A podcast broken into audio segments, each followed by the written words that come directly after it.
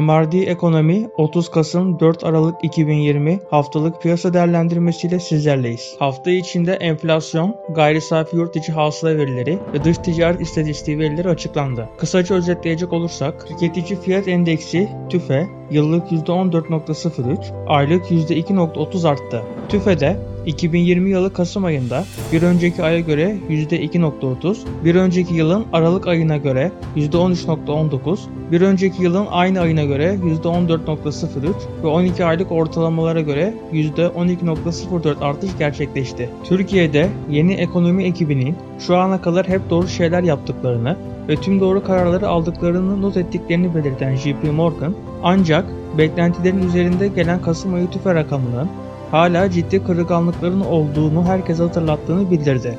Daha önce 2021'in ilk yarısında enflasyonun %12-13 aralığında olacağını öngören JP Morgan, bu tahminini de %13-14 aralığı olarak değiştirdi. JP Morgan, ihtiyatlı politikaların uzun vadede etkisini göstermesini beklemelerine bağlı olarak 2021 sonu enflasyon tahminini %10.5 olarak koruduklarını da ifade etti. 2020 yılı 3. çeyrek gayri safi yurt içi hasıla verileri açıklandı. Gayri safi yurt içi hasıla 2020 yılı 3. çeyreğinde %6.7 arttı. Finans ve sigorta faaliyetleri 2020 yılı 3. çeyreğinde %41.1 arttı. Gayri safi yurt içi hasıla 2020 yılının 3. çeyreğinde cari fiyatlarla 1 trilyon 419 milyar 483 milyon TL oldu.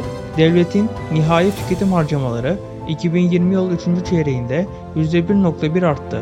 Mal ve hizmet ithalatı 2020 yıl 3. çeyreğinde %15.8 artarken ihracat %22.4 azaldı. İş gücü ödemeleri 2020 yılı 3. çeyreğinde %9.7 arttı. Ekim ayı diş ticaret istatistikleri verileri açıklandı. Ekim ayında genel ticaret sistemine göre ihracat %5.6, ithalat %8.4 arttı. Ocak-Ekim döneminde ihracat %9.1 azaldı, ithalat %2.2 arttı. Ekim ayında enerji ürünleri ve altın hariç ihracat %6.3, ithalat %16.2 arttı. Dış ticaret açığı Ekim ayında %34.4 arttı. Dış ticaret açığı Ocak-Ekim döneminde %76.2 arttı. Ekim ayında imalat sanayinin toplam ihracattaki payı %94.8 oldu. Ekim ayında ara malların toplam ithalattaki payı %69.6 oldu. Döviz kurlarında bu hafta küresel görünüm dolarda zayıflama, euroda güçlenme yönündeydi.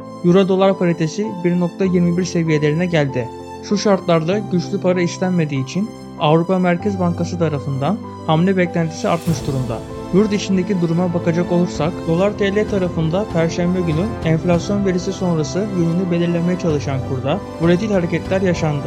Günlük %2.5'e yakın makas açıldı. Haftalık inceleyecek olursak %0.27 düşüş vardı. En yüksek seviye olarak 7.92 TL seviyesi test edildi. Haftayı 7.83 TL'den açan kur en düşük 7.74 TL'yi test etti. Euro tarafı bu hafta küresel olarak güçlendi. Euro TL paritesi haftalık %1.07 arttı. En yüksek 9.6 TL, en düşük ise 9.27 TL seviyeleri test edildi. Altın düşüşe ara verdi ve yükselişe geçti. Gram altındaki artışın yaklaşık %2'lik kısmı altının ons fiyatındaki artıştan geldi. Gram altın bu hafta yatırımcısına %2.34 getiri sağladı. En yüksek 468 TL, en düşük ise 440 TL test edilen seviyeler oldu. Borsalarda pazartesi günü sert satışlar vardı. Haftanın geri kalanında ise sınırlı yükselmeler görüldü. Borsa İstanbul bu hafta yatırımcısını tatmin etmedi. Haftaya sert satışla %3.40 düşerek başladı. Salı günü kayıplarını telafi etse de haftanın geri kalanında fazla hareket edemedi. BIST 100 haftalık %0.16 getiri sağladı. Yukarıda 1338 seviyesi, aşağıda 1287 seviyesi test edildi. Bankacılık endeksindeki satışlar borsayı baskılayarak